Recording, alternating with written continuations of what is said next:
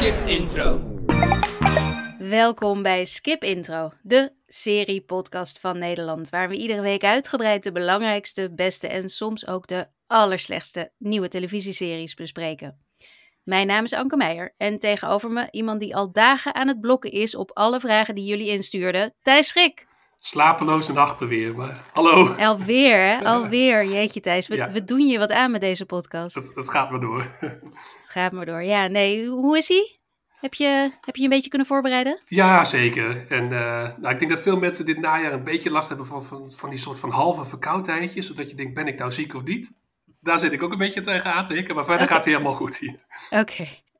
Oké, nou, dus als we je af en toe horen snotteren, dan weten Ja. we hoe het komt. Ja, Eh, ja, we hebben dus, zoals ik al een beetje zei net, we hebben eh, een speciale aflevering waarin we vragen van jullie luisteraars gaan beantwoorden. Een zogenaamde mailbag Ehm, wat gewoon puur uit eh, Amerika komt natuurlijk, mailbag episode. Het is, het is helemaal, wat zouden we ooit zeggen, een postzak aflevering? Nee. nou ja, de brievenrubriek van de krant heb je natuurlijk wel al heel lang, maar daar wordt Ja, er niet echt gereageerd. Of meestal niet. Nee, nee, het is ook niet een, eh, een AMA, een Ask Me Anything. Dat valt ook wel weer mee. Het is, het is Mhm. gewoon een, daarom, het is een mailbag episode. Ja, Eh, en we hebben dus jullie, luisteraars, om serievragen gesteld. Ook omdat het op dit moment wat rustiger is qua nieuwe releases.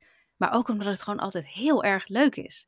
Want we hebben echt een enorm aantal ontzettend leuke vragen binnengekregen. Wat vond jij ervan, Thijs? Dit is jouw eerste mailbag? ja, ik heb met heel veel plezier ben ik er doorheen gegaan. En er zijn een paar waar je echt een beetje op zit te worstelen. Daar komen we straks natuurlijk op. ja, maar erg le- leuke vragen. Dus dat is eh, ja, leuk om even in deze periode even net even wat, wat anders te doen. En het komt Ja, goed hè? uit. Ja, Ja, nee, en het is echt, eh, ik vind het altijd de creativiteit en de, het soort vragen altijd eh bovengemiddeld. Wij hebben Zeker. hele creatieve, leuke luisteraars. Ja. Luisteraars, luisteraars. Lijst, lijstjes, daar komen we volgende week aan toe. Dan is het de beste serie van het jaar eh, aflevering. Maar nu dus nog even de mailback. Zullen we maar gewoon beginnen? ja let's, let's go in de woorden, Let's go. In de woorden van Super Mario. Ehm, nou, dan beginnen we met een vraag die we van Biewe hadden gekregen via Instagram. Eh, en daar wil ik mee beginnen, omdat dit nogal een nieuwtje was wat mij ook was opgevallen namelijk. Eh, vorige week waren namelijk de eh, nominaties van de Critics' Choice Awards bekendgemaakt. En grote kanshebber met de meeste nominaties is The Morning Show. Dus Biewe zegt ook, naar aanleiding van het bericht dat de Morning Show grote kanshebber lijkt bij de Critics' Choice Award, wat is wat jullie betreft de waarde van awards om series op waarde te schatten? Welke awards nemen jullie het meest serieus qua beoordeling van kwaliteit en waarom? En de bonusvraag was: heb je wel eens een serie ontdekt dankzij een awardshow? Thijs, de Critics' Choice Award, wat vond jij van de nominaties? Eh, ja, de morning show, dat... Ja, ik moet zeggen, ik ben afgehaakt, dus ik weet niet of het zoveel beter is geworden. Daar, ik moest me een beetje met mijn hoofd schudden. Want, ja, Ik, ik, eh, volgens mij niet. Eh, Nee. de- De critici in Amerika, in ieder geval die die bij Rotten Tomatoes worden gebruikt, die zijn ook niet van mening dat het beter is geworden. Want waar het seizoen nog ergens in de 70 zat met Fresh, zitten ze nu al in de 60, Ja. 63 of zo geloof ik. Dus het is niet zo dat hier mensen onwijs enthousiast over zijn. nee. En toch hebben ze dus zes nominaties. En ook ehm, The Crown en The Diplomat waren genomineerd als beste serie. En Loki. Wat ik allemaal eh, nou, nogal opvallend vond. Natuurlijk Ja. Succession heeft vijf nominaties. En Ja. ehm, wat zit er nog meer bij? Wat goed, The Last of Us.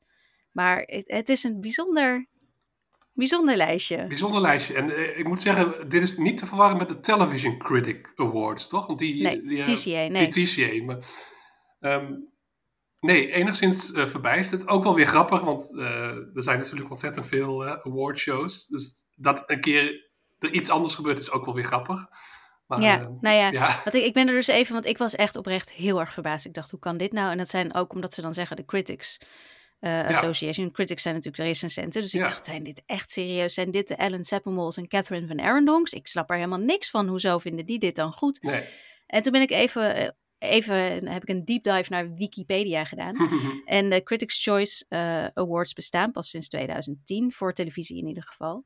En in 2016 gingen ze samenwerken met Entertainment Weekly. En dat, Oh ja, dat is een ja. tijdschrift. En dat vonden de meeste recensenten die daarbij waren aangesloten, die vonden, of niet de meeste, maar een aanzienlijk deel vond dat niet helemaal oké. omdat ze zelf bij andere outlets werkten. En ja, ik las ergens dat iemand had gezegd van het is alsof CNN nu eh, de exclusieve partner van de presidentsdebatten wordt. Ja. Zeg maar. dit, dit klopt niet. Nou, dus toen zijn er heel veel mensen uitgestapt. Waardoor uh, er het, het soort critici wat is overgebleven, dat zijn de. Ja, dus ik, ik citeer Wikipedia hoor. Ik heb verder geen waardeoordeel, maar dat zijn Mm. de internetjournalisten en niet zozeer de Mm. echte tv-recensenten. Dat zou wel het een en ander kunnen verklaren. Ja. Want het blijkt dus dat er vaker. Ik heb dus nooit op deze awards eigenlijk gelet. En het blijkt zo te zijn dat ze vaker. Ehm, vooral series niet nomineren waar critici dan jubelend over waren. Dus dat, dat is Ja. eerder juist Mm. gebeurd. Eh, en in dit geval valt het op dat er dus een serie waarbij de meeste critici hadden van het is echt een, een trainwreck en mensen Ja. die het nog wel met plezier kijken, maar omdat het zo slecht is, eh, dat die dan bovenaan staat. Maar ja, wat vind jij van prijzenshows? Eh, ik heb een beetje zo'n haat-liefde verhouding ermee. Want zeker als de. Ik denk ook dat een van mijn antwoorden is van de Emmy Awards, Love It or Hate It, vind ik toch altijd een eh, fascinerend moment. De nominaties die er dan zijn. En, de, eh, en daar vaak schieten ze raak en ook heel vaak schieten ze mis. Dus dat is altijd wel ook een moment om eens even eh, ja, de State of the Union van de televisie te doen, zeg maar. Dus dat, dat vind ik altijd. Ja, wel een goed Eigenlijk- moment. Goed- Eigenlijk merk je vooral bij de Emmys. Ja, en vooral bij de Emmys merk je dan niet zozeer wat, de, wat dan de, de uitslag van de Emmys is, maar meer hoe er dan daar weer op gereageerd wordt. Merk Ja. je hoe, hoe de neuzen staan, inderdaad. Dat, ja, en een omdat beetje dan de, de strijd. mensen verbolgen ja, zijn ja. over een bepaalde winst of juist een, een snup of wat dan ook. Ja, en, ja. en de strijd tussen de diensten natuurlijk. Het wordt altijd zo'n wedstrijd tussen eh, HBO en Netflix was het lange tijd. Dat, eh, wie wordt er één, Mhm. wie wordt er twee? HBO natuurlijk lang dominant. Dus eh, in die zin vind ik het altijd interessant om dan, dan kun je gewoon even kijken van hoe, denkt de, eh, ja, hoe staat de industrie er een beetje voor. En eh, dat, dat vind ik wel een goeie. Ik vind die, die Critics Award die je net noemt, dat leek me meer een beetje de Golden Globes-achtig. Van, eh, Ja, Golden Globes is nog iets erger Niet al te serieus nemen. Maar die zijn natuurlijk Ja. ook echt, die komen wel weer terug. Maar dat, Ja. die, dat, dat was bijna Dat was echt een, een farce. Ehm, Ja. Maar bijvoorbeeld ja, de andere Critics Award, de Television Critics Award, die neem ik wel heel serieus. Maar dat zijn inderdaad wel de Ellen Seppenballs volgens mij van de wereld. Mhm, De New York Times schrijvers. En daar komt meestal ook gewoon, eh, nou ja, laten we zeggen, de Successions van de wereld komen daar eh, als winnaar Ja. uit de bus. Ja, precies. Succession en The Bear of zo, Ja, zoiets. ja. Ja. The Bear, die overigens hier ook wel genomineerd was, maar die dan natuurlijk bij comedy staat, net als Oh ja. Reservation Dogs. Dus ja, Reservation Dogs was hier trouwens wel genomineerd en, en die heeft volgens mij nog geen enkele liefde van de Emmys gekregen. Dus Mm. wat dat betreft hadden ze dat dan weer wel goed. En dat is het lastige van deze awardshows, dat je het nooit helemaal... Ja, dus, eh, ze doen het nooit allemaal goed en ze doen het ook nooit allemaal slecht. Er zitten altijd wel weer dingen bij waarvan je denkt, oké, oké, die mag wel een... eh, Maar ja, we gaan het... eh, ik weet niet of we het over deze nog gaan hebben. Wellicht wel, als, als ze bekend worden. Maar we gaan het uiteraard nog wel weer over de Emmys hebben als ze worden uitgereikt volgend jaar. ja, En daar heb ik nu alweer zin in, want ik weet dat wij daar afgelopen jaar lekker boos over geweest zijn. Dus dat hoort er ook bij. Dus wat dat betreft zijn awardshows wel weer heel erg leuk. precies. Ik heb nog nooit een, eh, een serie ontdekt, zover ik me kan herinneren. Misschien Nee. lang, lang geleden, maar Soms wel eens Niet dat je denkt, oh, ik ben afgehaakt bij een serie en eh, dan wordt hij genomineerd en dat je denkt van, oh, ik moet weer eens gaan, gaan kijken. Maar niet dat ik helemaal eh Nee, hè? niets ben begonnen. Nee. Nee, nee, dat lijkt me ook niet. Nou, wel een hele leuke vraag, Biewe, eh, want ik was er ook wel mee bezig. En Ja. fijn dat ik het even heb mogen uitzoeken nog verder. En dan ga ik door naar eh, een vraag van Ron.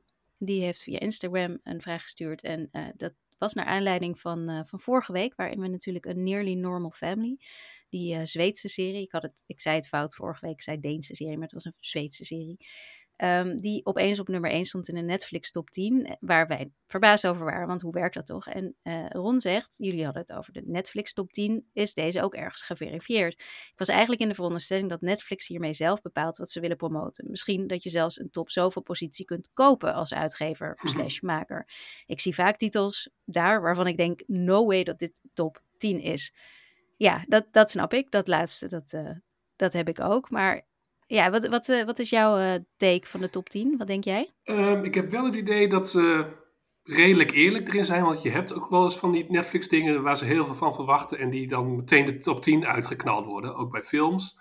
Dus ik, ik, in die zin vertrouw ik ze wel, maar het probleem is van, we moeten ze vertrouwen, want, of tenminste, we moeten het maar voor waar aannemen, want zelf eh, controleren kunnen we het niet. Nee. Dus dat, dat blijft zo gek in die streamers, dat ze zo geheimzinnig eh, doen. En er is gewoon nog niet echt één onafhankelijke partij die het op een hele goede manier kan. Er zijn, je hebt Parrot, Parrot Analytics, die probeert wel altijd een soort iets uit te vogelen, maar dan ook weer op basis van wat er op de socials gebeurt. En maar echt zo die kijkcijfers zoals we ouderwets bij de televisie krijgen, die hebben we niet. En zoals je met de box office krijgt in het weekend van dit heeft een film opgeleverd. Dus ik vind het wel problematisch. En ik, ik denk wel dat ze. Ja, maar Netflix heeft natuurlijk zo'n impact. Zij kunnen wel zeggen van als de Crown uitkomt, dan krijgt iedereen de Crown gepusht. En, maar, ja, precies. Dus ze doen heel veel. Uh, ze doen heel veel, of, want, want dat hebben we vaker besproken. Mijn uh, homepage, frontpage ziet er heel anders uit dan die van jou, of dan die van Hans, of die van mijn kind. Ja. Um, en dat, zo, zo werkt het nou eenmaal. En wat ze ook heel erg doen, ze hebben bijvoorbeeld die trending. Uh, ja. Wat is het vakjes, zeg maar. Of populair bij jou in de buurt, of wat, dat soort dingen. Die zijn allemaal. Ik heb, het, ik heb hier ook een beetje research weer over gedaan niets is 100% zeker. Het is allemaal wel wat Netflix zelf communiceert en zegt. Maar dit is naar aanleiding van een uh, heel uitgebreid lang uh, artikel uit Vulture.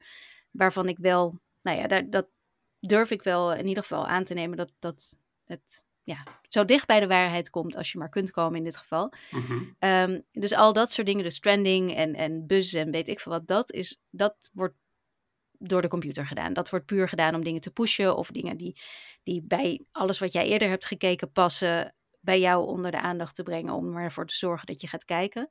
Uh, maar de top 10 is dan een van die dingen die wel, zeggen ze in ieder geval, die gewoon echt, die is ook overal hetzelfde. Ja. Uh, en daar, hebben ze, daar heeft Netflix niet zoveel aan. Want als er op één een serie staat, als The Crown op één staat, die, die, jij toch al niet gaat kijken, ja, dan hoeft die bij jou niet op één te staan, want je gaat hem toch niet kijken. Nee. Dus wat dat betreft is die top 10 juist meer bedoeld om ervoor te zorgen dat mensen denken: ik weet eigenlijk zelf niet wat ik wil kijken. Oh, iedereen kijkt dit, nou dan ga ik dat ook maar kijken. Ja, dat, is, ja. dat is waar die top 10 voor Netflix voor is. Ik, ja, ik denk wel, ik denk dat die, dat die redelijk dicht bij de waarheid zitten. Precies ook om wat je zegt, soms zijn er titels die helemaal niet hoog staan. Nee. Die dat wel hadden moeten, hadden moeten doen. Het feit dat een Suits in Amerika, een oude serie, um, daar afgelopen zomer wekenlang bovenaan heeft gestaan in die top 10. Dat, dat geeft ook wat daar had Netflix niet zo heel erg veel aan. Nee. Aan de andere kant maakt het ook niet uit, hè, want Netflix, als, je maar, als mensen maar blijven kijken, dan maakt het ze ook niet uit. Dat als ze het, maar op ja. dat platform blijven. Ze willen zoveel mogelijk de kijkminuten, dus de, daarom rekenen ze ook in kijkminuten. Die willen ze. Ja. Je wil dat je Ja. op het platform blijft en voelt, eh, het gevoel hebt dat je waar krijgt voor je geld. Daar hebben ze het altijd over, van de customer satisfaction. En, ja, eh, zolang je maar niet weggaat. Ja, Ja. zolang je En als je dan in die top 10 kijkt en er staat één iets, een tegeltje bij waarvan je denkt, hé, hey, dit spreekt me misschien wel aan. Ja. Dan, dan is dat al goed. En ik moet ook zeggen dat de top 10 heel vaak er niet eh, in staat. Ik, bijvoorbeeld, ik kijk dus wel eens bij Hans, van wat zou er bij hem staan. En dan, ziet, dan staat die top 10 echt, dan moet ik heel, heel ver naar beneden scrollen, Ja. wil ik de top 10 tegenkomen. Bij mij staat hij er altijd bij, maar dat komt ook omdat ik hem wel regelmatig check. Dus ik denk dat, dat het algoritme weet, oh ja, Ja, zij vindt dat interessant precies, en. Hans niet. Dus bij Hans wordt hij weer weggehaald. Ja. Maar ja, en het schijnt ook wel, het schijnt niet zozeer inderdaad te zijn van hoe lang hebben mensen gekeken of hebben ze echt deze hele serie gekeken of alle afleveringen. Maar eh, meer van hoe vaak mensen het hebben aangeklikt. Dus dat Mm. is ook al. Ja. je dan kun je het aanklikken, kijk je even en denk je nee, toch niet. En dan staat hij toch bovenaan. Dus Ja. het is allemaal niet helemaal eerlijk. Maar ja, het komt zo dicht mogelijk bij een top 10 als het bij Ja. Netflix zal kunnen waarschijnlijk. Waarschijnlijk. Waarschijnlijk. En ik vind wel, hun, eh, ze hebben ook een overzichtssite. Even, eh, de titel of de, het adres weet ik niet uit de hoofd. Misschien kan het in de show notes. Maar waar je dan ook kunt kijken per week wel, hoeveel minuten. Maar daar kun je bijvoorbeeld ook nog zien dat Squid Game nog steeds eh, bijvoorbeeld verreweg de nummer 1 is. En ik denk als ze het zelf hadden gewild, hadden ze misschien liever Stranger Things op 1 gehouden. Omdat dat toch meer iets voelt als dat ze dat als paradepaardje zien en ook bewust hebben gepusht. Want dat is het ook. Sommige makers, ja, die komen niet in de top 10 omdat ze ook niet worden gepromoot zeg maar, op de socials of via andere advertentiecampagnes. Ja, Dus ehm, ja, ik, ik denk dan bijvoorbeeld zo'n serie als Scott Pilgrim is misschien voor een niche, maar die heb ik niet in, de, eh, in een top Nee. 10 zien staan. Dat, terwijl er ook heel erg aan gewerkt schijnt is. wel echt Het lijkt- vreselijk Lijkt me echt hoor. frustrerend als je daar dan niet in Ja. staat. Ja, Nee, voor die makers is het, wel, eh, is het wel dat je daar iedere week zenuwachtig zit te checken of je Ja. show in die top 10 staat. Het is eigenlijk natuurlijk helemaal niet fijn. nee. Nee, maar ja, het is eh, voor, voor kijkers. Het gaat allemaal voor de kijker en daar, de- veel mensen vinden het wel fijn. Ja.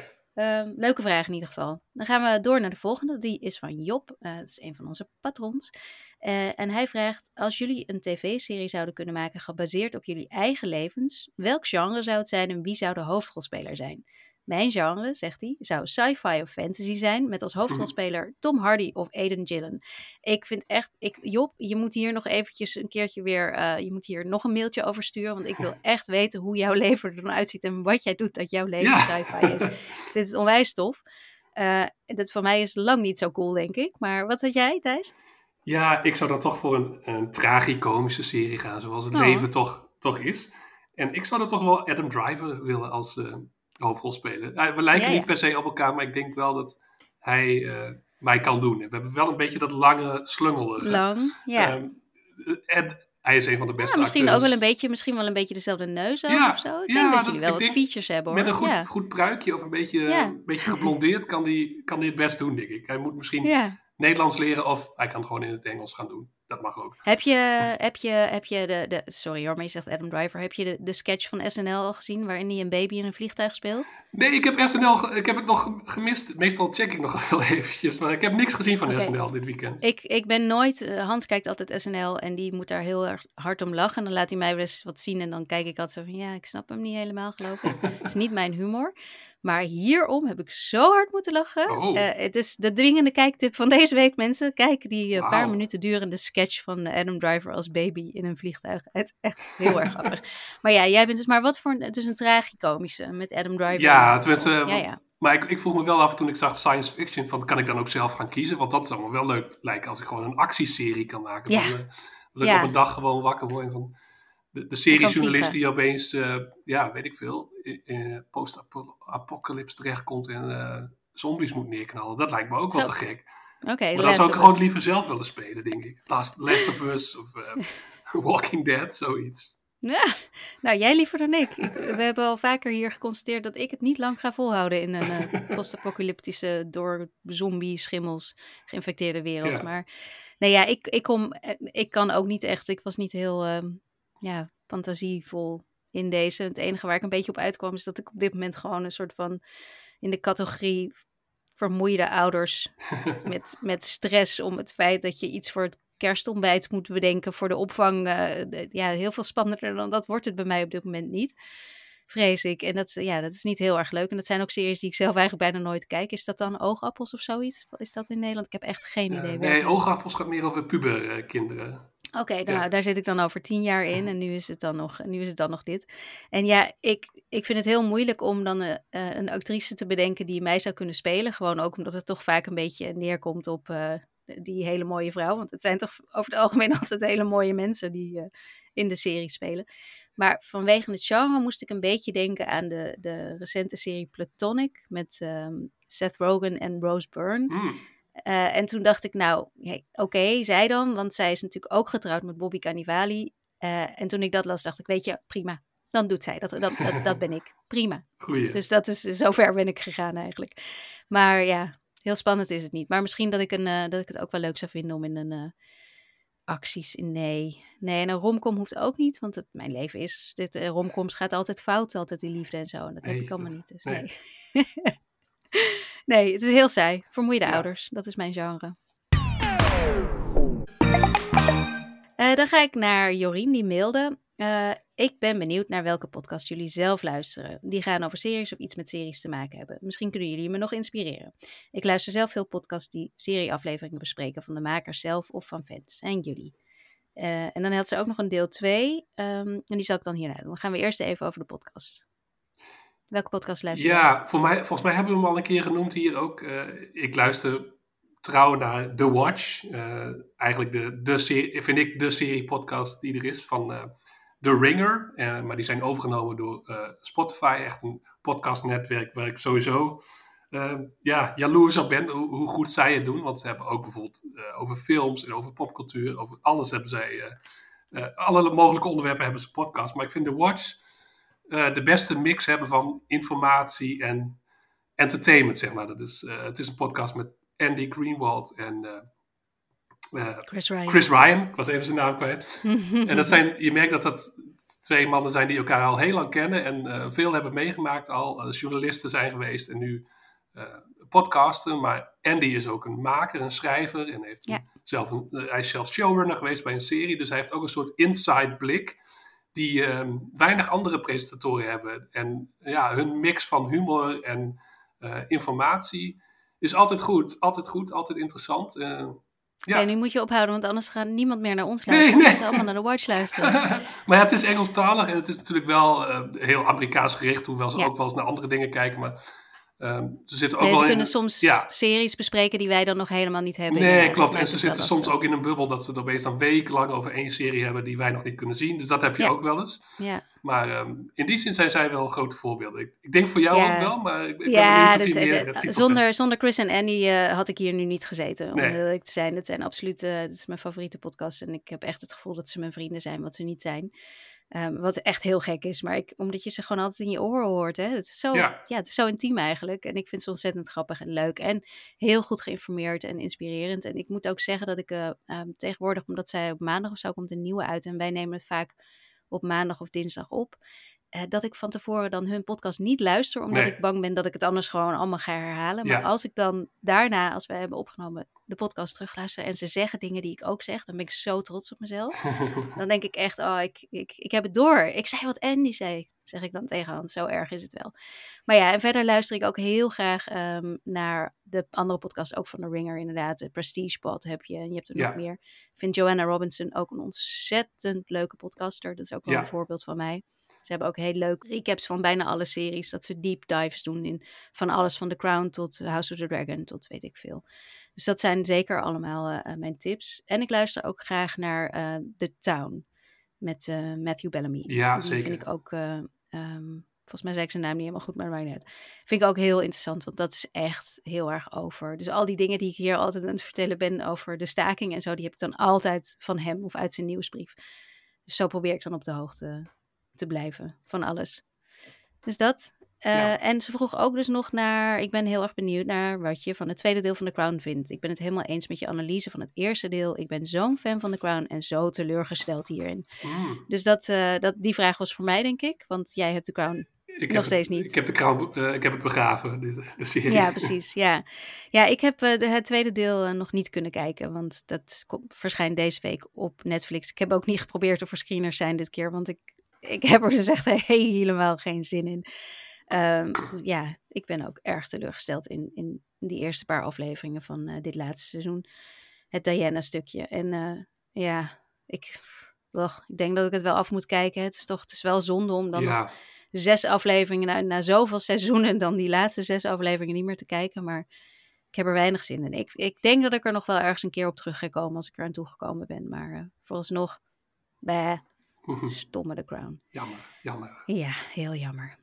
Ehm, even kijken, dan gaan we door naar Marcus. Eh is ook een patron en die vraagt: hoe beoordeel je een serie? Heb je een checklist of doe je het op je gevoel? Welke elementen zijn cruciaal voor een geslaagde serie? Is dit anders dan wanneer je privé kijkt? Ja, dat laatste zeker. Ja, zeker. Toch? Ja, dat hebben we allebei, denk ik. Dat je ook dingen Ja. kunt kijken die misschien niet zo goed zijn, maar waar- je wel heel erg van geniet. Dat, dat zeker. Ja, ja ik, ben, ik ben nu echt heel erg van de Gilded Agent eh genieten. terwijl Oh, ik ja. echt ik zie gewoon hoe, hoe nou ja, hoe, hoe het allemaal. Je ziet alles van ver van tevoren aankomen. Je ziet dat het oppervlakkig is. Je ziet dat dingen gewoon eigenlijk niet kloppen, omdat het een aflevering daarvoor nog anders was. Maar maakt niet uit, want ik ben er gewoon van aan het genieten. en, dat, en dat kan dus allemaal niet als je professioneel kijkt. Dan, dan werkt Nee. het echt anders. Hoe werkt het bij jou? Ja, het is een beetje eh, een soort evolutie in, in, in geweest. Ik denk dat het woord gevoel het beste werkt. Want ik denk dat je gewoon puur ja, wat jij erbij voelt, eh, dat is het belangrijkste. Dus het is, eh, een recensie is ook nooit, je kunt doen alsof het objectief is, maar dat is het niet. Want uiteindelijk is het altijd eh, wat je er persoonlijk bij voelt. Maar je kunt natuurlijk wel zien of iets heel goed gemaakt is. Dus dan eh, of het goed geregisseerd is, of het production design klopt, of de, noem maar op. Ik denk dat je zonder goede acteurs kun je nog het beste script ooit hebben. En dan werkt het nog steeds niet, want als het niet goed uitgesproken wordt, dan werkt het niet.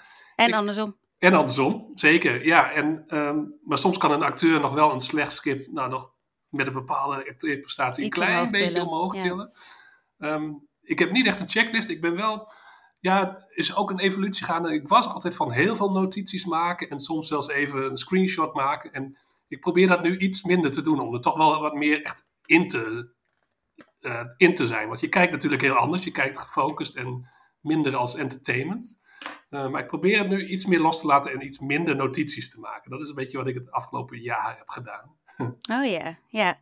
Ja, ik, uh, het ene, ik noteer wel um, mooie uitspraken. En, Ja.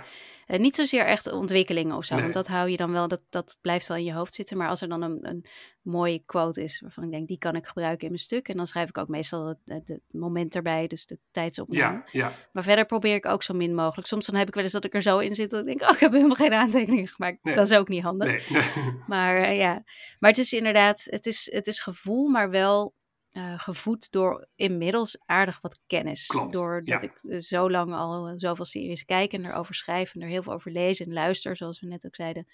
ehm, dat ik ondertussen, ik, ik- ja, dat is echt een recente ontwikkeling dat ik mezelf er heel erg in vertrouw. Dat ik denk, Mm. ja, Ja, ik- ik vind dit gewoon slecht en ik durf dat te zeggen. En dat is echt heel fijn en dat is ook best wel handig, want hè, ja, ik moet er ook iets over zeggen, maar dat is best heel spannend. En, er, en op een gegeven moment komt er zo'n punt dat je het, ja, dat je het lang genoeg doet. En ehm, ja, dat je het ook gewoon, dat je het gewoon durft te zeggen. Van dit, dit is Ja. gewoon niet goed genoeg. Hier is het verhaal niet sterk genoeg.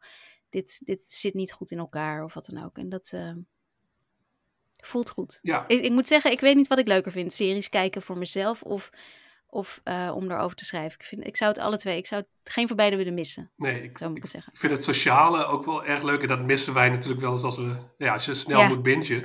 Maar bijvoorbeeld met het einde van Succession, toen had ik, moest ik ook heel snel de, bijvoorbeeld de slotaflevering kijken. Maar heb ik toen later in de avond ook nog met een vriendengroep die het nog Mm. niet hadden gezien. Dus ik moest heel rustig blijven.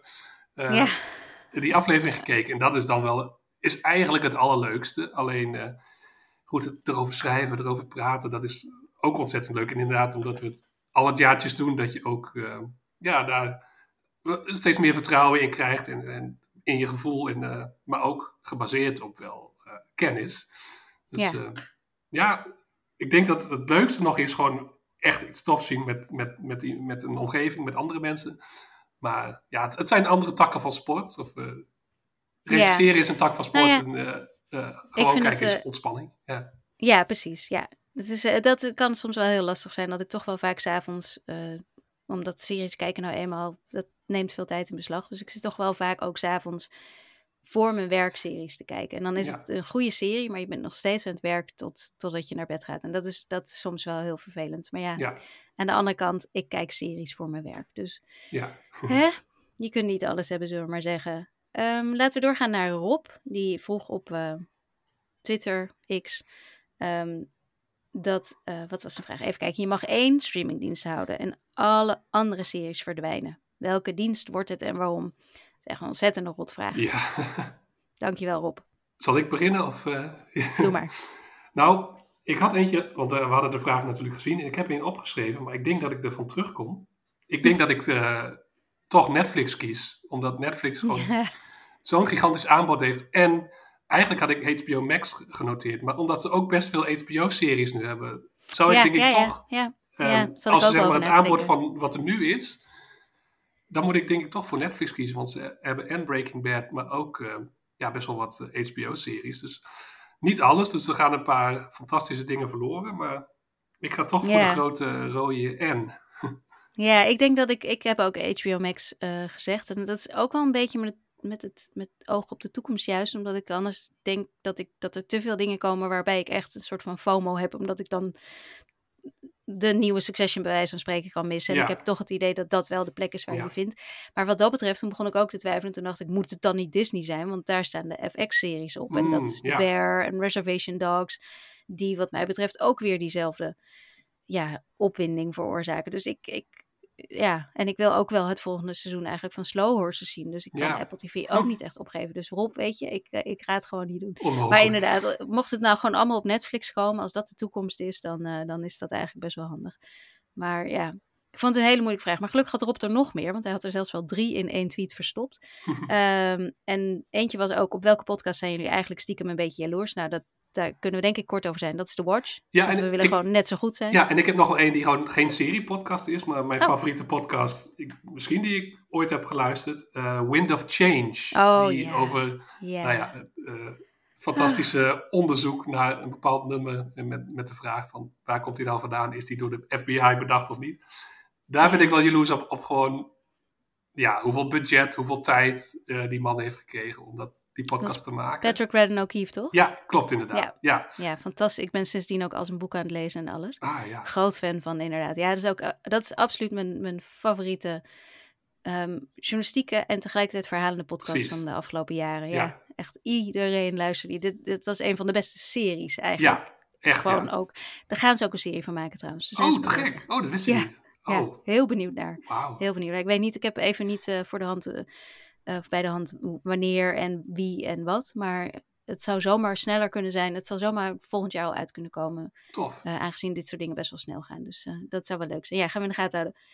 Ehm, en dan had hij nog een vraag. En dat was Friends, Gossip Girl, Sex and the City, Blue Bloods, Seinfeld. Welke serie is meest New York? Ik, heb ook het, ik vind deze ook een beetje persoonlijk op mij, volgens mij. Maar Ja, heb ik, jij er ook een ik idee ben wel eens over? in New York geweest, maar op vakantie. Jij hebt er gewoond. Maar ik dacht wel, eh Seinfeld of Broad City vond ik nog wel. Maar die had- stond Mm. niet in de tweet. Maar Die staat er niet bij. vond ik wel vond ik erg New Yorker. Maar ik zou Ja. dan denk ik eh, Seinfeld eh, doen. Ja, er zijn heel veel, er zijn ontzettend veel series die in New York spelen. En die misschien nog wel beter dan dit lijstje eh, New York zijn hoor. Ik ben het niet met je eens dat het Seinfeld is, want Seinfeld was niet eens in New York opgenomen, Ja, net als Friends. Dus wat dat betreft, Blue Bloods heb ik eigenlijk nooit gezien. Dat, ik ben wel vaak eh, langs opnames gekomen, dus dat werd wel absoluut in New York opgenomen, weet ik. Maar ehm, ja, ik zou toch voor Gossip Girl of Sex and the City gaan, omdat dat wel redelijk dicht. Ik bedoel, het is een bepaalde elite in New York. Het is niet zoals iedereen leeft, bij lange na niet zelfs. Maar het is wel zoals, zoals je in New York kunt leven. Hm. Ehm, ik niet. Maar, maar er zijn zeker wel mensen eh, voor wie het leven in New York er zo uit kan zien. En ik vond het ook qua stad en hoe het gefilmd wordt. ehm, ja, het is allemaal op locatie. Het is allemaal wel echt. Dus wat dat betreft eh, vond ik die dan. Hm. Maar ja, maar Seinfeld. Ehm, Oké, dan gaan we naar eh, Nick. Die had via Instagram een simpele vraag. Nou, ik vond het helemaal geen simpele vraag. Wat vinden jullie van de series One Piece van Netflix en Oogappels van BNN-Vara? Twee series die niet of nauwelijks aan bod zijn gekomen in de podcast. Persoonlijk vind ik One Piece de eerste echt gelukte live-action anime-adaptatie. Na mislukkingen als Death Note en Cowboy Bebop. Zelfs IMDb en Rotten Tomatoes zijn lovend. En dan die totaal andere serie Oogappels. Een emotionele achtbaan over het leven van verschillende families. Herkenbaar in zijn eenvoud, zoals de verhaallijn over de dementerende vader van een steengoede ja, Ramsinasser. ja. Deze serie is wat mij betreft een terechte winnaar van de televisiering van dit jaar. Ik ben benieuwd naar jullie take. Nou Thijs, kom maar op. Eh, One Piece heb ik niet gezien. Eh, soms zijn er gewoon dingen die, ja, over persoonlijke smaak gesproken. Dat, ja, iets in mij eh, is daar iets minder in geïnteresseerd. Maar ik dacht, bij NRC hebben we toen iemand anders gevraagd die eh, ja, meer kennis ook van de anime-wereld had. Dus daar voelde ik mij gewoon niet helemaal. Ja, dat voelde gewoon niet helemaal in mijn straatje. Maar goed, je moet soms ook je bubbel uit en dat proberen we vaker. En bij deze serie is dat gewoon eh, niet gebeurd. Eh, misschien wel als, als er een nieuw seizoen komt, dat ik me er wel eh, in ga duiken. Maar ik vond, moet eerlijk zeggen dat de trailer, ik, vond ik zelf niet zo overtuigend. Maar ja, een trailer zegt natuurlijk niet altijd iets. Het leek niet helemaal mijn ding te zijn. Dat, zo simpel is het. Ja, bij, ja dat, dat ja. kan. eh, dat, dat, ik zal daar nog even op aanhaken. Dat, dat had ik een beetje hetzelfde. En ik las ook wisselende recensies daarover. Ja. Het- het- bij mij werkt het ook wel zo dat ik moet zoveel kijken om over te schrijven. Dat de series die ik dus ehm, zelf ga kijken. Dat, ik heb net gezegd dat ik Gilded Agent kijken ben. Dat is eigenlijk wel een beetje slecht. Maar die moeten dan meestal. eh, zijn dat dan series waarvan ik denk: de- deze mag ik niet missen. Ja, deze moet ik precies. kijken. Ik heb er dan niet over geschreven. Ik, iemand anders heeft er dan over geschreven. Meestal in dat geval. Ehm, maar ik vind wel dat ik hem moet kijken. En bij One Piece, ja, het, het was gewoon te wisselend. Waardoor ik op een gegeven moment ook het gevoel had: volgens mij is het toch niet helemaal voor mij. Waardoor ik hem dus heb overgeslagen. Maar ja, aan de andere kant, Nick, als jij dan zo eh, enthousiast bent, misschien moet ik hem dan toch nog maar eens gaan proberen en op het lijstje zetten. Ja. Ehm, maar dat is de reden waarom we het er nooit over gehad hebben, En, basically. ja. En oogappels. Ja, oogappels kan ik heel kort over zijn. Ik zeg het vaker in deze serie. Ik kijk dus vrijwel geen Nederlandse televisie. Ik weet niet hoe lang. Oogappels loopt echt al lang ook, volgens mij. Vijf seizoenen uit mijn hoofd. Eh, Ja, ik denk dat het zelfs al begonnen is toen ik nog in New York woonde. En eh, dat, toen is het ook bij mij wel begonnen dat ik dus vrijwel niks Nederlands meer keek. Eh, en ik, ik, ik ben er gewoon op Santos na recent. Eh, ik, ik kijk echt niks Nederlands. Dus ik weet niet of het goed is. Ik weet alleen maar dat op een gegeven moment dat ik dacht, waar hebben mensen het toch altijd over? En eh, eh, Ja. ja. is het goed? Ik ben zelf, ja, mijn vriendin kijkt het, die vindt het heel goed. En, ehm, maar het is ook een kwestie in dit geval van, toen het werd besproken in het eerste seizoen, toen werd het door iemand anders eh, beschreven, omschreven. En keek ik ook iets minder Nederlands. Ik probeer me de afgelopen jaren beter op te focussen, of geen dingen te missen. Maar Oogappels is een beetje, ja, uit, niet, kwam niet in mijn vizier, zeg maar. En ehm, dan heb je ook het gevoel van, oh ja, seizoen 5, dan moet ik wel heel veel inhalen. Maar ik heb wel, ja, eh, van anderen die het weten, eh, inderdaad te horen gekregen van dat het eh, ontzettend goed is. En Ramsi Nasser wordt genoemd dat er inderdaad zeker de slotaflevering van het afgelopen seizoen schijnt echt een tranentrekker geweest te zijn. Maar niet op een goedkope manier, maar op een mooie, authentieke manier. Hm. Dus ehm, nou ja, het kan nog wel zijn dat ik deze, dat ik toch een keer denk van hier ga ik helemaal induiken. Want het lijkt erop dat we, ja, hier gewoon wel een hele goede Nederlandse serie te pakken hebben. Die, maar ja, ook de thematiek vond ik dan wat minder interessant van eh, ouders met eh, puberende kinderen. Ik dacht, ja, niet helemaal mijn straatje.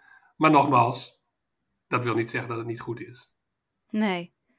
Nee, nou ja, ik, eh, ja, het is inderdaad vijf seizoenen, het is zo lastig hè. Als Ja. er nou twee seizoenen waren, kon je nog zeggen, we, we stappen er even Stappen in, we zorgen dat we... Ja, Is het ook afgelopen nu of gaat het nog door? het gaat volgens mij nog door, ja. Dus ehm, dat is het ook. Van, ja, het, het- Ja. een beetje zo'n, ja, net als de serie Dertigers, die ik ook niet heb gezien, maar waar ik ook heel veel goede dingen over heb gehoord. Van, ja, misschien eh, als het nu zou beginnen, zou ik inspringen, maar al die seizoenen inhalen, dat is dan zeker wat je zegt. Als we, we moeten veel professioneel kijken en als we hier dan niet over schrijven of eh, wat dan ook, dan wordt het lastig. En voor een podcast dan alle seizoenen inhalen wordt dan ook eh, lastig.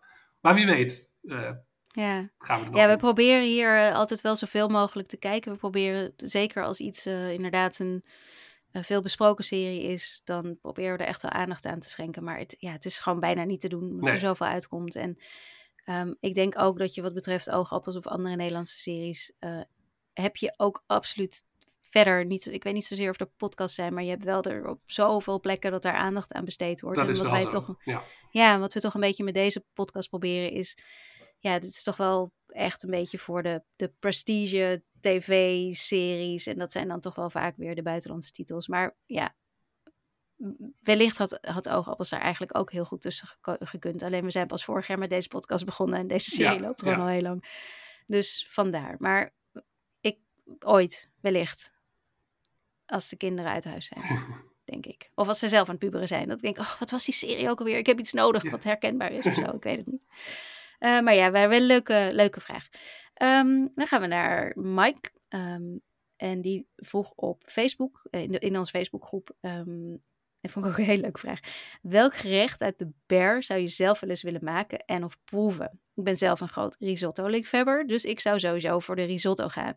En toen reageerde nog een andere luisteraar, Gert-Jan, die reageerde eronder met... Ik zou gaan voor de blikken pasta waar dat geld in verstopt zat. Ah, Wel een heel mooi antwoord. ja. Wat, eh, wat, wat, wat zou jij Nou, willen? ik eh, ben geen geweldige kok, zeg ik eerlijk. Dus het liefst zou ik het dan iemand hebben die het voor me maakt. Ja, dat ehm, is natuurlijk ook het ja, idee, hè? Ja, dus de, de, de Amazing Omelet van Sydney, denk ik. Die eh, Ah. eigenlijk heel simpel. Ja. Ehm, maar die zag er zo fantastisch uit. En dat was ook een fantastische scène. En ik had nog opgeschreven, de Seven Fishes wil ik liever niet. Hmm. Maar dat is misschien ook omdat die, het gerecht zoveel spanning met zich meebrengt. Ja. Ja, precies. Ja, dan eindig je ook in de vriezer. Ja, maar die eh, Amazing Omelet en een beetje cheaten. Als toetje wil ik daar wel iets van eh, Marcus, iets wat hij in Denemarken heeft gemaakt. Oh ja. Ja, Perfect ja. Donut of noem maar op. Ja. ja, ik ging ook voor de omelet van Sydney inderdaad, die ze voor Natalie maakt. Ik, ik vond hem... Ik, eh, al die gerechten zien er op zich heel mooi uit natuurlijk. Maar bij die dacht ik echt... Ik, ik, kon hem gewoon al bijna proeven, maar dan wist ik niet hoe goed hij zou zijn, zeg maar. Dat gevoel. Ja, ik, ik vond ja. het inderdaad met, met dat beetje... eh, met die chips eroverheen verkruimeld en zo. Nou, ik vond hem echt... Oh, ja. Ja, Ja, ik heb er nog steeds zin in. Ik, ik, ik ga denk ik ook zo gewoon een omelet maken. Want, eh, ja. maar ik vrees dat hem dat wordt. En risotto hou ik ook van. Dat zou ik, ook, ik, ik zou alles wel willen proeven hoor. Ik Ja, wil in het restaurant zitten sowieso. Maar eh, eh, ja, ook ik ga voor de omelet. Ja. Eensgezind zijn we. En dan gaan we door naar een vraag van Sophie, ook via Facebook. En die zegt, of die vraagt, welke serie hebben jullie dit jaar het snelst weer uitgezet? welke serie waar je na een paar afleveringen of een paar minuten al gelijk zat. Ja. Jij mag beginnen. Ehm, ik ga dan voor Secret Invasion. Eh, ik was hem Mm. bijna weer vergeten, maar ik moest hem even terughalen. De ja, Marvel-serie waar ik vooraf nog wel best eh, iets van verwachtte met Samuel L. Jackson. Maar het was echt een niet te volgen opening en een niet te volgen eerste aflevering. Ehm, ik denk dat ik die het snelst heb uitgezet. Dan, eh, ja, in combinatie met de Dead 90 Show. Maar die, daar heb ik een halve minuut van gekeken ongeveer. En ik dacht, van, hier kan ik helemaal niks mee. Maar dat wist ik vooraf. En bij Secret Invasion had ik nog de hoop van... Dit kan En waarom had je. Dead 90 Show dan nog aangezet? Eh, ja, het ging erover over of er iemand een stuk over zou schrijven. En toen heb, dacht ik, zal ik zelf even kijken. En toen was meteen duidelijk van, dit is ook echt niet voor mij gemaakt. Hier kan ik niks mee. Dit ga ik afkaken. Maar misschien vindt iemand die van dit soort sitcoms houdt het wel goed. Oh, je was ook geen fan van het origineel dan? Mm, Nou, vond ik nog wel oké. Maar dit Oké. voor zijn tijd, nostalgie? zeg maar. Voor zijn, Ja, ja. Daar zat nog wel een goede timing in. Goede acteurs die weten hoe je een, een sitcom speelt. Maar dat was hier eh, totaal niet zo. Maar ik zou... Secret Invasion staat op één. Want dat was echt is een Mm. soort wanproduct. Met een soort AI-intro. Toen werd ik eigenlijk al boos door de, door de intro die erin zat. Van, dat zag er niet uit. Was ook zo slecht getimed, net Eh, tijdens ja. die stakingen, terwijl Ja. iedereen daarbij bezig was en dan kwamen zij met zo'n intro. Ja. Ja. En, eh, Hmm. en hoe zat het bij jou? Nou ja, ik, ik heb eigenlijk eh, ik heb het niet af kunnen zetten, omdat ik erover moest schrijven, maar ik wilde het wel. En dat is, dat is All the Lights We Cannot... Nee, ja, All the Light We. Cannot See. Oh, wat vond ik dat erg. En het waren vier afleveringen. Ik heb ze alle, allemaal gekeken. Ook, ik weet nog wel dat ik bij aflevering 4 niet eens door had dat het de laatste aflevering was. Voor mijn gevoel was het verhaal nog niet eens op gang gekomen, moet je nagaan. Eh, ik vond het echt absurd slecht. En ook natuurlijk omdat het geschreven was door Steven Knight van Peaky Blinders. En dat Mark Ruffalo een van de hoofdrollen had. Maar ja, echt alles. Ook juist Mark Ruffalo was echt tenenkomend slecht. Dat Oei, accent, oei. ik weet nog steeds niet wat daar, wat daar misgegaan is. Dus nee, ik vond dat echt, echt absoluut vreselijk. Ehm, maar ik heb het wel afgekeken. En wat ik dus ook nog heb gekeken, wat, waar bij mij ook alle haartjes eh, een beetje verkeerd gingen eigenlijk, was natuurlijk The Crown. Ehm, al was dat niet... Misschien als het over een ander onderwerp was gegaan en op een andere manier. Ik, eh, ja, dat, ik weet niet of dat. Het was niet zo slecht als All the Light We Cannot See. Het, het schoot bij mij gewoon helemaal verkeerd. Ja. Ehm, en ja, dus Netflix. eh, sorry. dit, ik vond het echt niet. Gefeliciteerd Netflix. Met deze. Ja, Netflix en Disney. Jullie Ja. hebben de, de series die we het meest gehaat hebben dit jaar. Ja, ik moet wel zeggen, een serie die ik, moeilijk, die ik ook moest uitkijken, die ik moeilijk vond, dat was The Days. De serie over de Hmm. kernramp in Japan. Eh, Oh, niet ja. per se heel slecht, maar wel traag. En eh, Ja. er zat zoveel herhaling in dat ik dacht van, heb ik, ik heb het gevoel dat ik tien keer naar hetzelfde zit te kijken. En dat, dus dat was niet per se heel slecht. Ik zou zeggen drie ballen, die heb ik gegeven, drie ballen, drie sterren. Maar dat was wel, ik denk dat dat het moeilijkste was om uit te kijken dit jaar. eh, ja. Oké. Ja, die, de, ik, heb daar, ik ben daar niet mee verder gegaan. Maar die vond ik inderdaad ook nog wel pittig. ja. Kan ik me herinneren, ja. En dan vraagt... eh, dit was echt... Wat een ontzettend gemene vraag was dit. Samuel, vaste luisteraar. Echt. vriend van Wat- de show. Hele goede gast. godsvraag. Hij vraagt namelijk... Aan welk personage uit een serie doet je co-host je het meest denken? Ik heb, mijn antwoord is... Ha! Ja, Ik werd er heel nerveus van. Jij ook, Thijs. Ja. We hebben het er van tevoren heel even een beetje over gehad. ik, eh, ik zei ook lastig, lastig. En ik dacht van, het is makkelijker dat we zelf een serie kiezen en een, en een acteur Ja, weet je wat het bijvoorbeeld. is? Wat het natuurlijk is, is dat wij, wij kennen elkaar wel al een aantal jaren, maar dat is echt wel professioneel altijd. ja, En nu, nu we iedere week deze podcast opnemen en we ook best wel wat eh, contact hebben tussendoor over, nou, meestal over de podcast, maar zo leer je elkaar wel een beetje kennen. ja, Dus misschien over, over tien jaar of over misschien volgend jaar Ja. al, misschien gaat het hartstikke snel, durf ik dat wel te zeggen. ja.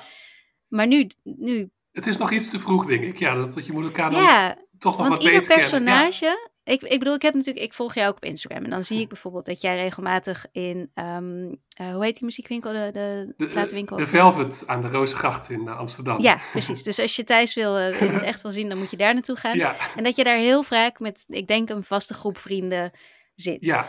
Of- ja, toen dacht ik, ja. ja, wat, wat, wat kan dat dan zijn? Nou ja, dat is dan toch een beetje eh, Friends met een vaste vriendengroep. Maar ja, ben jij Chandler? Nee, ben je Ross? Weet je wel, je zou misschien wel, je bent ook wat langer net als Ross, maar aan de andere kant, Ross heeft ook, is een, is een heel leuk personage, maar het is ook een enorme sukkel, weet je wel. Dat wil ik ook weer niet tegen je zeggen. Nee, Dus nee. dat, daar, daar ga je toch een beetje, beetje. En ik moet zeggen dat ik ook bij Adam Driver dacht ik, toen ik hem zag, dacht ik, oh ja, dat kan natuurlijk ook. Maar, maar ja, je bent weer niet, eh, hoe heette die ook alweer in Girls? Dat, Nee, dat Ben je ook niet? Dus ik vond het, eh, ik, Ja, dit is zo'n vraag, denk ik, waar we misschien volgend jaar op moeten terugkomen. Of over een half Ja. jaar. Want eh, het is een leuke vraag. En, en, maar we zijn, denk ik, net iets te vroeg. eh, Samuel, wat zou jij zeggen? ja, Wie vind jij Ja. ons? daar ben ik benieuwd naar. Want Ja.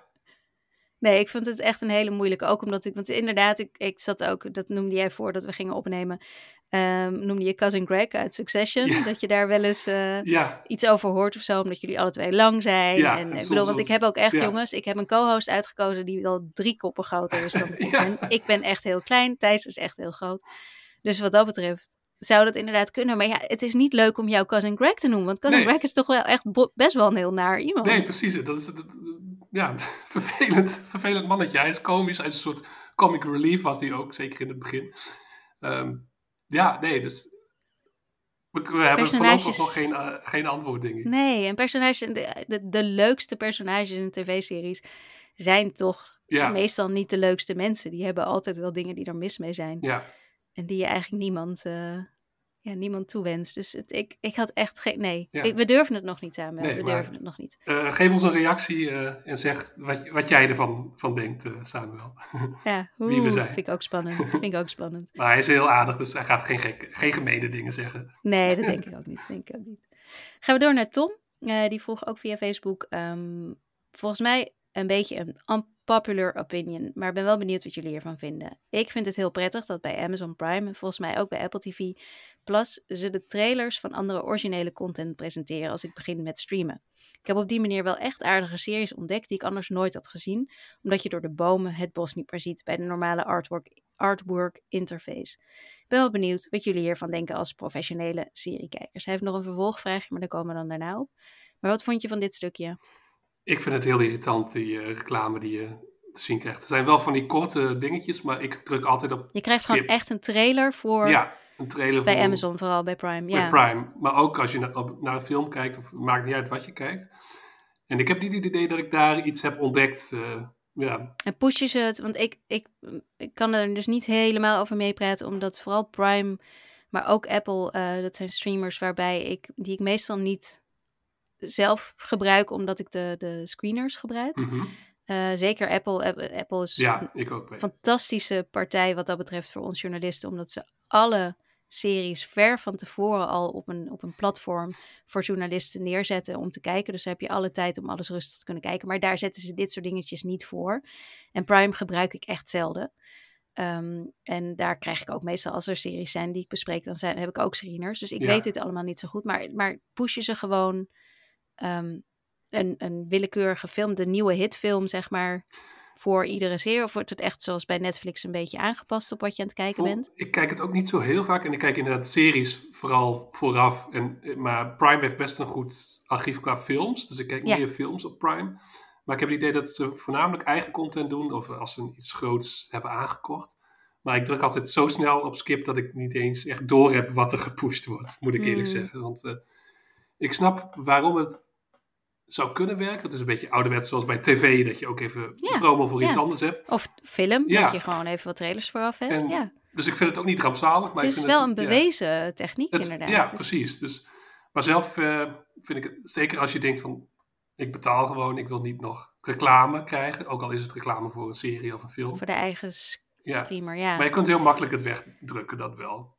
Dus je hoeft het niet verplicht te kijken. Nee, dat is wel het fijne. Dat is wel het fijne, ja. Eh, en wat, dan vroeg hij ook nog, ik word trouwens wel helemaal hysterisch van de Netflix-interface, die me geen momentje van rust gunt, omdat iedere keer als ik een moment stilsta op een icoontje, een heel heftige Ja. trailer begint te spelen. Dat wou ik ook nog even aanstippen, zegt hij. Ja. Nou, ik heb heel goed nieuws voor je, Tom. Dat kun je uitzetten.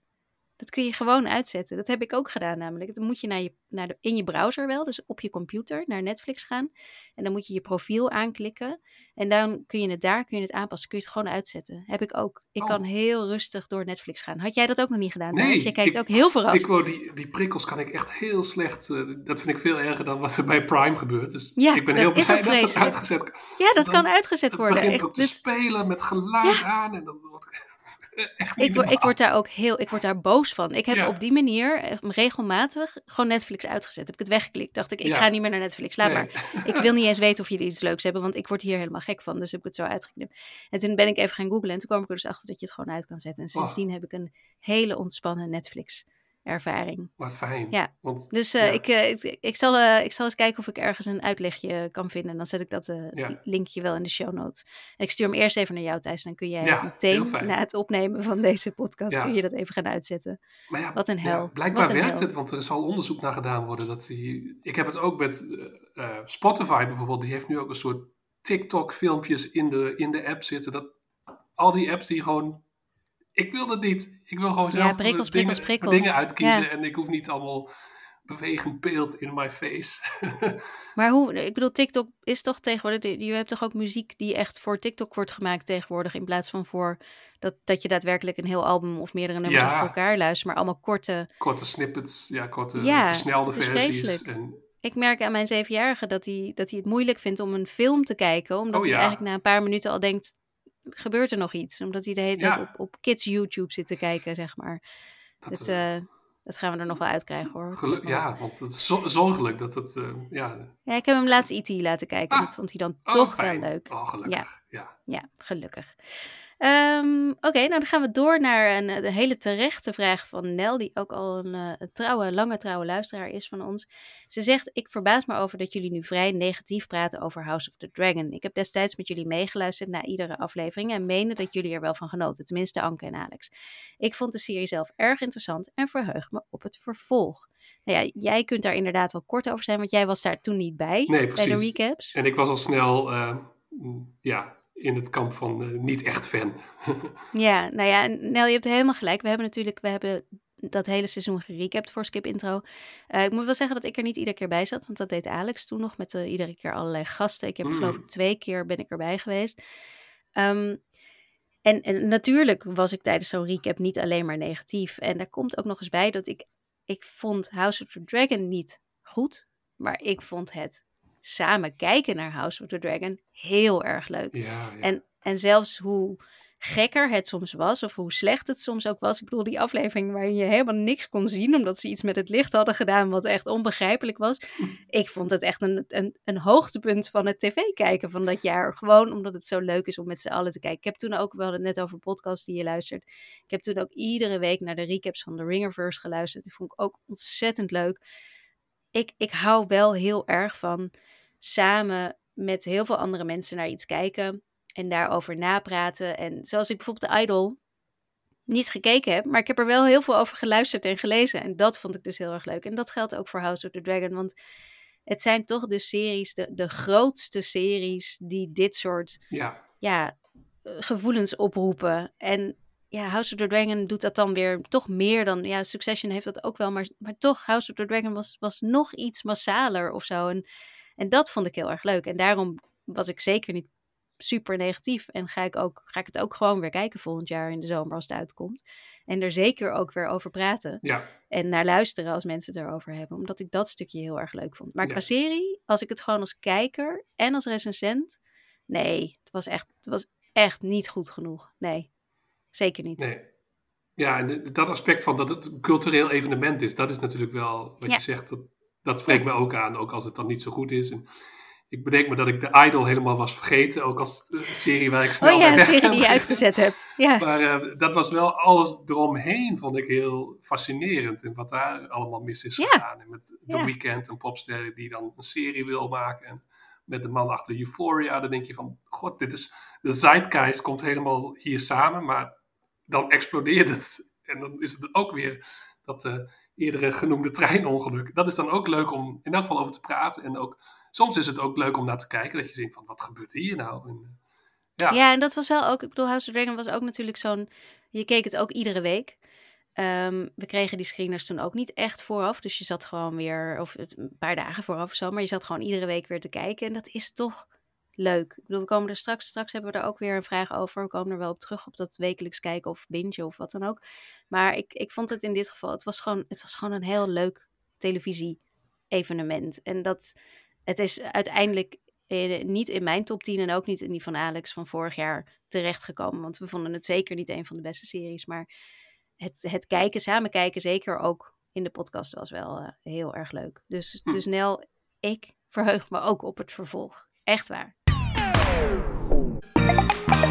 Even kijken, dan gaan we even door uh, naar Tom via Facebook. Die vraagt: welke streamingdienst is er voor jullie dit jaar positief opgevallen? En zou je dus aanraden en welke viel juist tegen? Thijs? Oeh. Nou, ik moet zeggen, Netflix viel me dit jaar mee. Het, het lijkt bijna promo voor Netflix. Te, Ja. de- de- Nee, maar ik heb ja. hetzelfde antwoord. Ik Ja. heb ook echt ver- verrassend genoeg Netflix. Want ik ben- maar ik heb er wel ja. een verklaring voor. Ik ben veel negatief geweest over Netflix de afgelopen jaren ook. En eh, de impact van, ja, en de, en de, veel, de middelmaat. Maar een serie als Beef en eh, ja, er is best veel goeds eh, verschenen. Dus in die zin best een verrassing, ja. Zal voor ik, zal ik dus. ook een beetje mijn... Ja, ik heb het ook. Ehm, ik, ik- zeg niet dat het de beste streamer wat mij betreft was van het jaar. Maar hij is me dus eh, opvallend vaak dat ik zei... Ja, dat staat op Netflix. Nou, ik vind het eigenlijk wel leuk. Ehm, er zijn volgens mij twee factoren die eh, wat dat betreft meetellen. Eentje is de staking. eh, de stakingen. Het waren er twee immers. Netflix had gewoon echt een enorme kluis Ja. met content en kon door blijven gaan. Wat ze ook hadden waren best wel veel docu-series, bleek. Ja. En die waren ontzettend leuk vaak. Ik bedoel, Beckham is een van de leukste dingen die ik... Ik ben nog niet klaar, maar nog steeds een van de leukste dingen die ik het afgelopen jaar heb gekeken.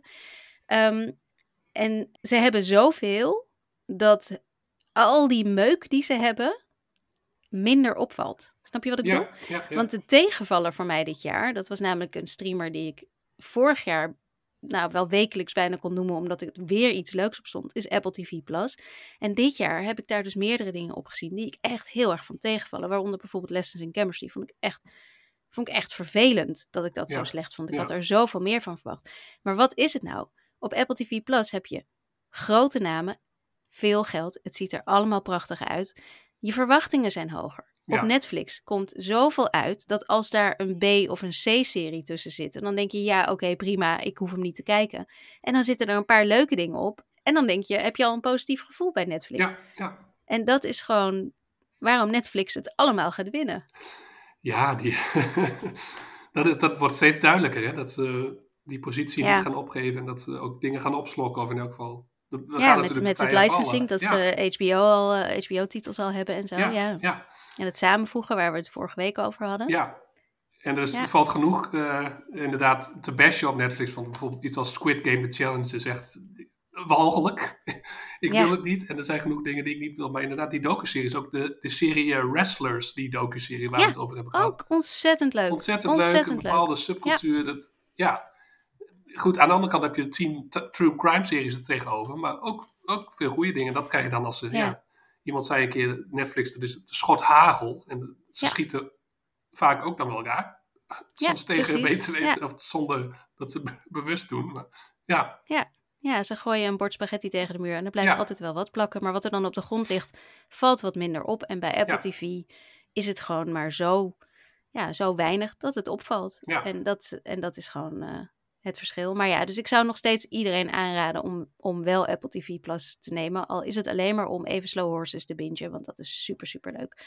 Ehm, ja, en ik, eh, ik zou ook iedereen aanraden om HBO Max en Disney Plus te nemen. De laatste voor de FX-titels. ja, HBO Max gewoon voor de HBO-titels.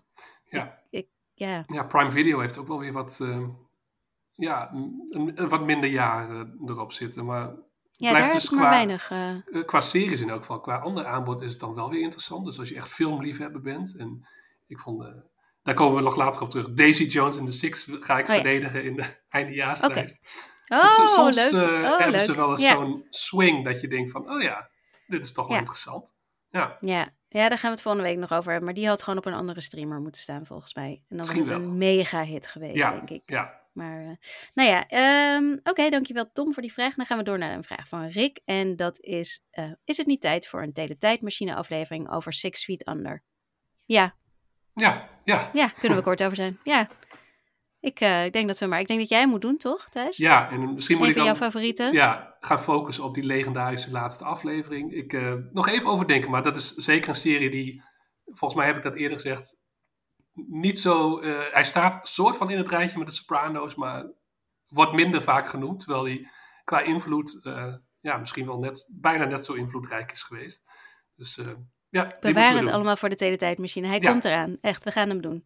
Dankjewel, Rick. En dan hebben we uh, Gert-Jan. En die, die hebben we volgens mij al eerder ergens voorbij horen komen. Die vraagt, wat vinden jullie fijner? Dat een serie in één keer op streamers, uh, op een streamingdienst komt te staan... of dat er iedere week een aflevering komt? Ik zelf vind het fijner als er iedere week een aflevering komt. Op de een of andere manier kan ik dan meer genieten van een serie. Uh, ja, daar hadden we net al een heel klein beetje ook met House of Dragon over. Ja. Ik, ben het, ik ben het helemaal met je eens uh, Gertjan, dat het gewoon leuker is om wekelijks te kijken. Zeker wanneer het echt ja, dramaseries zijn met afleveringen van een uur. Ja.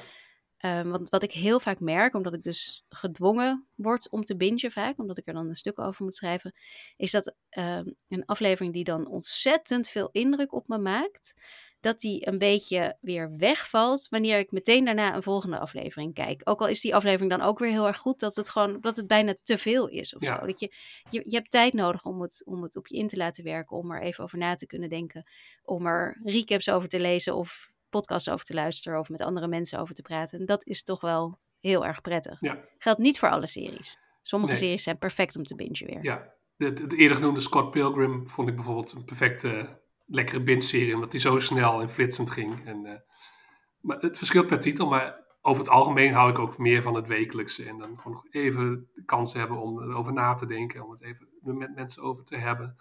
Dat verdwijnt, dat is natuurlijk een beetje in het binge-tijdperk ook deels weer verdwenen. Dus dat is wel jammer. Ja, maar het komt wel weer terug hoor. Ja, Ik ja. heb er echt, ik bedoel, zelfs Netflix is, eh, is weer dingen, net als The Crown, dat ze dat in twee keer uitbrengen in plaats van in één keer. Ik bedoel, het is niet dat die laatste zes afleveringen niet al af zijn hoor. Nee, Die nee. hadden makkelijk een paar weken geleden ook online gekund.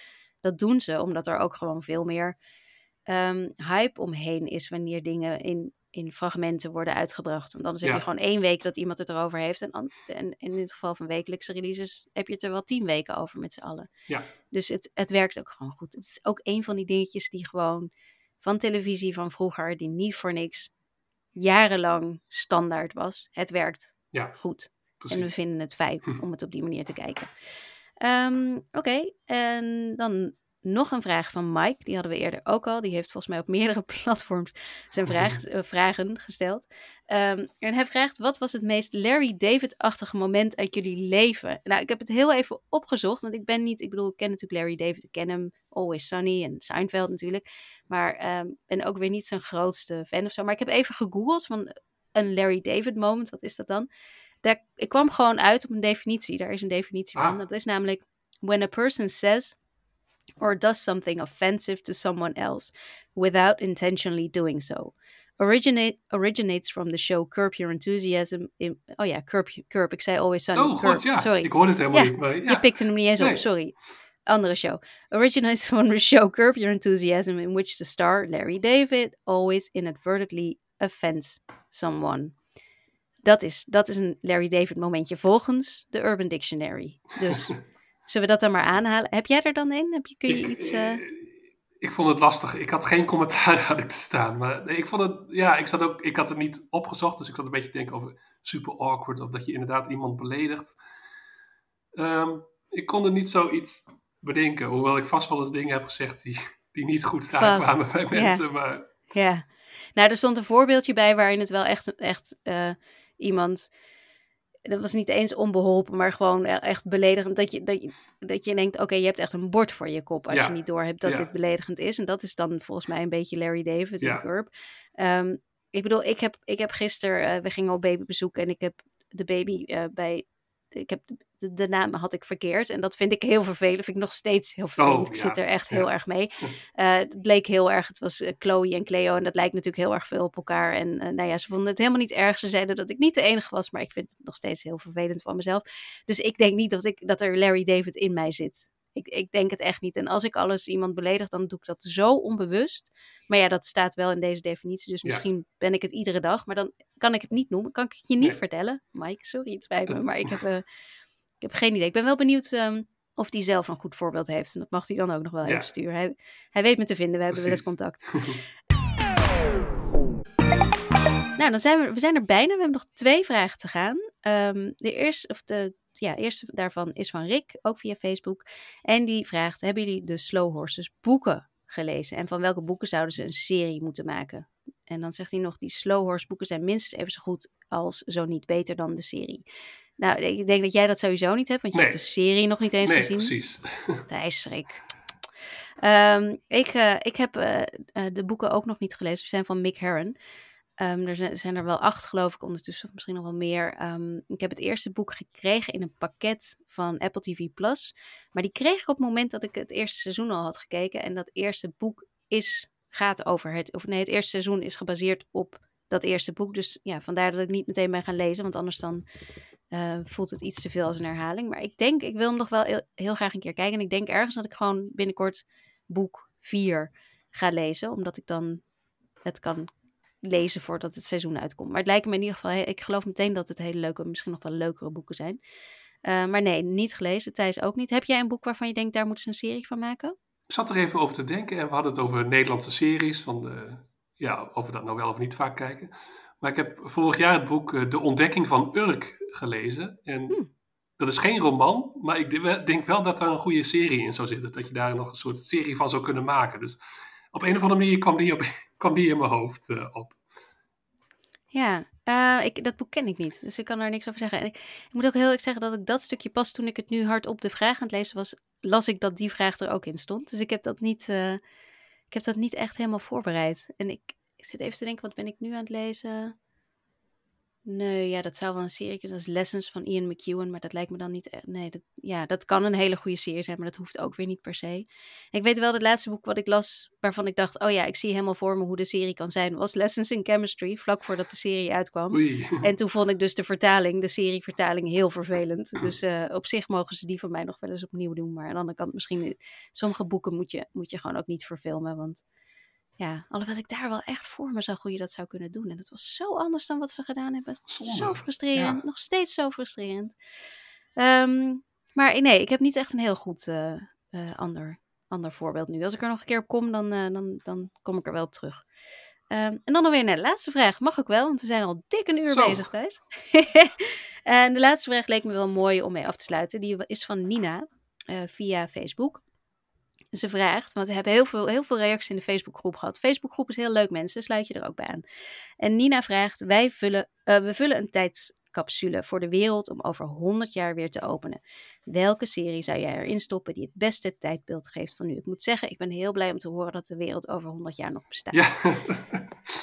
Toch een opluchting. Maar eh, ja, ik, ik, heb wel, ik heb wel een, eh, ja, een beetje een eh, negatief antwoord eigenlijk. Oh jij, Thijs? shit, ja, ik ook. Misschien hebben we wel hetzelfde antwoord. Maar Dat zou zomaar zal, ik kunnen. hem, zal ik hem geven? Ik had eh, Geef jij maar. ook gewoon, ja, de serie die zoveel zegt over onze tijd. Succession. Ja, Ja. ja. Ja, ik heb hem ook. Ja, precies dat. dat is ja, geen het is- het is vrolijke, gewoon... vrolijk antwoord. Maar... Nee, maar het is gewoon, weet je wel, ik, ik heb het ook een beetje proberen uit te schrijven. Het is de manier waarop de hoofdpersonen eigenlijk geen enkele gewetensbezwaren hebben. eh, waarop alles draait om macht, om geld. Waarop de wereld in brand kan staan. eh, en zij nog steeds vanuit hun glazen torens Ja, doen wat ze moeten doen en er geen last van hebben. Ik, ik vond het zo, zo treffend. Ik heb zo vaak het idee dat ik het allemaal terugzie in onze werkelijkheid. ja, ja. Dat, eh, ja, als je, wil, eh, als je over 100 jaar wil weten waarom de wereld geworden is zoals die is, kijk Succession. De- ja, en dat is ook gewoon hoe ja, de impact van zo'n mediabedrijf. Ja, in het laatste seizoen zaten ook zoveel momenten, de aflevering over de presidentsverkiezingen. Ja, En op een of andere manier moest ik ook een beetje aan de huidige, onze Nederlandse verkiezingen denken. Dat je denkt, ja, het, de spijker op zijn kop en eh, ontzettend knap gedaan. En eh, het, Ja. zegt veel, het zegt ook over iets over menselijke relaties, over hoe, ze, ja, hoe je menselijkheid, hoe die verloren kan gaan. En eh, hoe dat toch in de tijdperk veel is gebeurd. Dus ik zat Ja. ook wel een beetje te denken, maar dat was misschien niet, niet zozeer om over 100 jaar uit te leggen hoe de wereld nu was, maar ehm, ja, misschien dat, je- dat het over 100 jaar nodig is. Maar ik zat aan Station 11 te denken om een beetje oh, Sowieso is dat ook wel een beetje een tijdscapsule, want de wereld stopt dan op een gegeven moment natuurlijk wanneer bijna iedereen doodgaat op een handjevol mensen na. Ehm, dus dan kun je ook zien hoe de wereld eruit zag. Dat is toch de wereld zoals die nu bij ons ongeveer is. Ja. Eh, maar ook hoe dan hoe de mensheid uiteindelijk toch wel weer iets op kan zetten. En ook wel weer ja, mooi kan zijn. Ja. Mooie dingen. En hoe kunst kan overleven. Ik vond dat ook wel weer. Ik vond Station Eleven ook wel weer heel hoopgevend. Wat dat soort dingen betreft. ja, dat fantastisch inderdaad. Ja. Prachtige serie. Dus eh, misschien dat ik gewoon twee series heb gekozen waarvan ik denk, nou, als je dan over 100 jaar iets moet kijken wat mooi is, dan laat het dan maar een aantal van de beste series van de afgelopen jaren zijn. Precies. dat kan ook. Ehm, nou, dat was een Thijs. We hebben ze allemaal gehad, tenminste dat hoop ik. Het is eh, bijna altijd zo, het is een beetje traditie dat er een aantal vragen eh, vergeten zijn. En daar komen we dan later misschien weer op terug. Maar volgens mij hebben ze allemaal.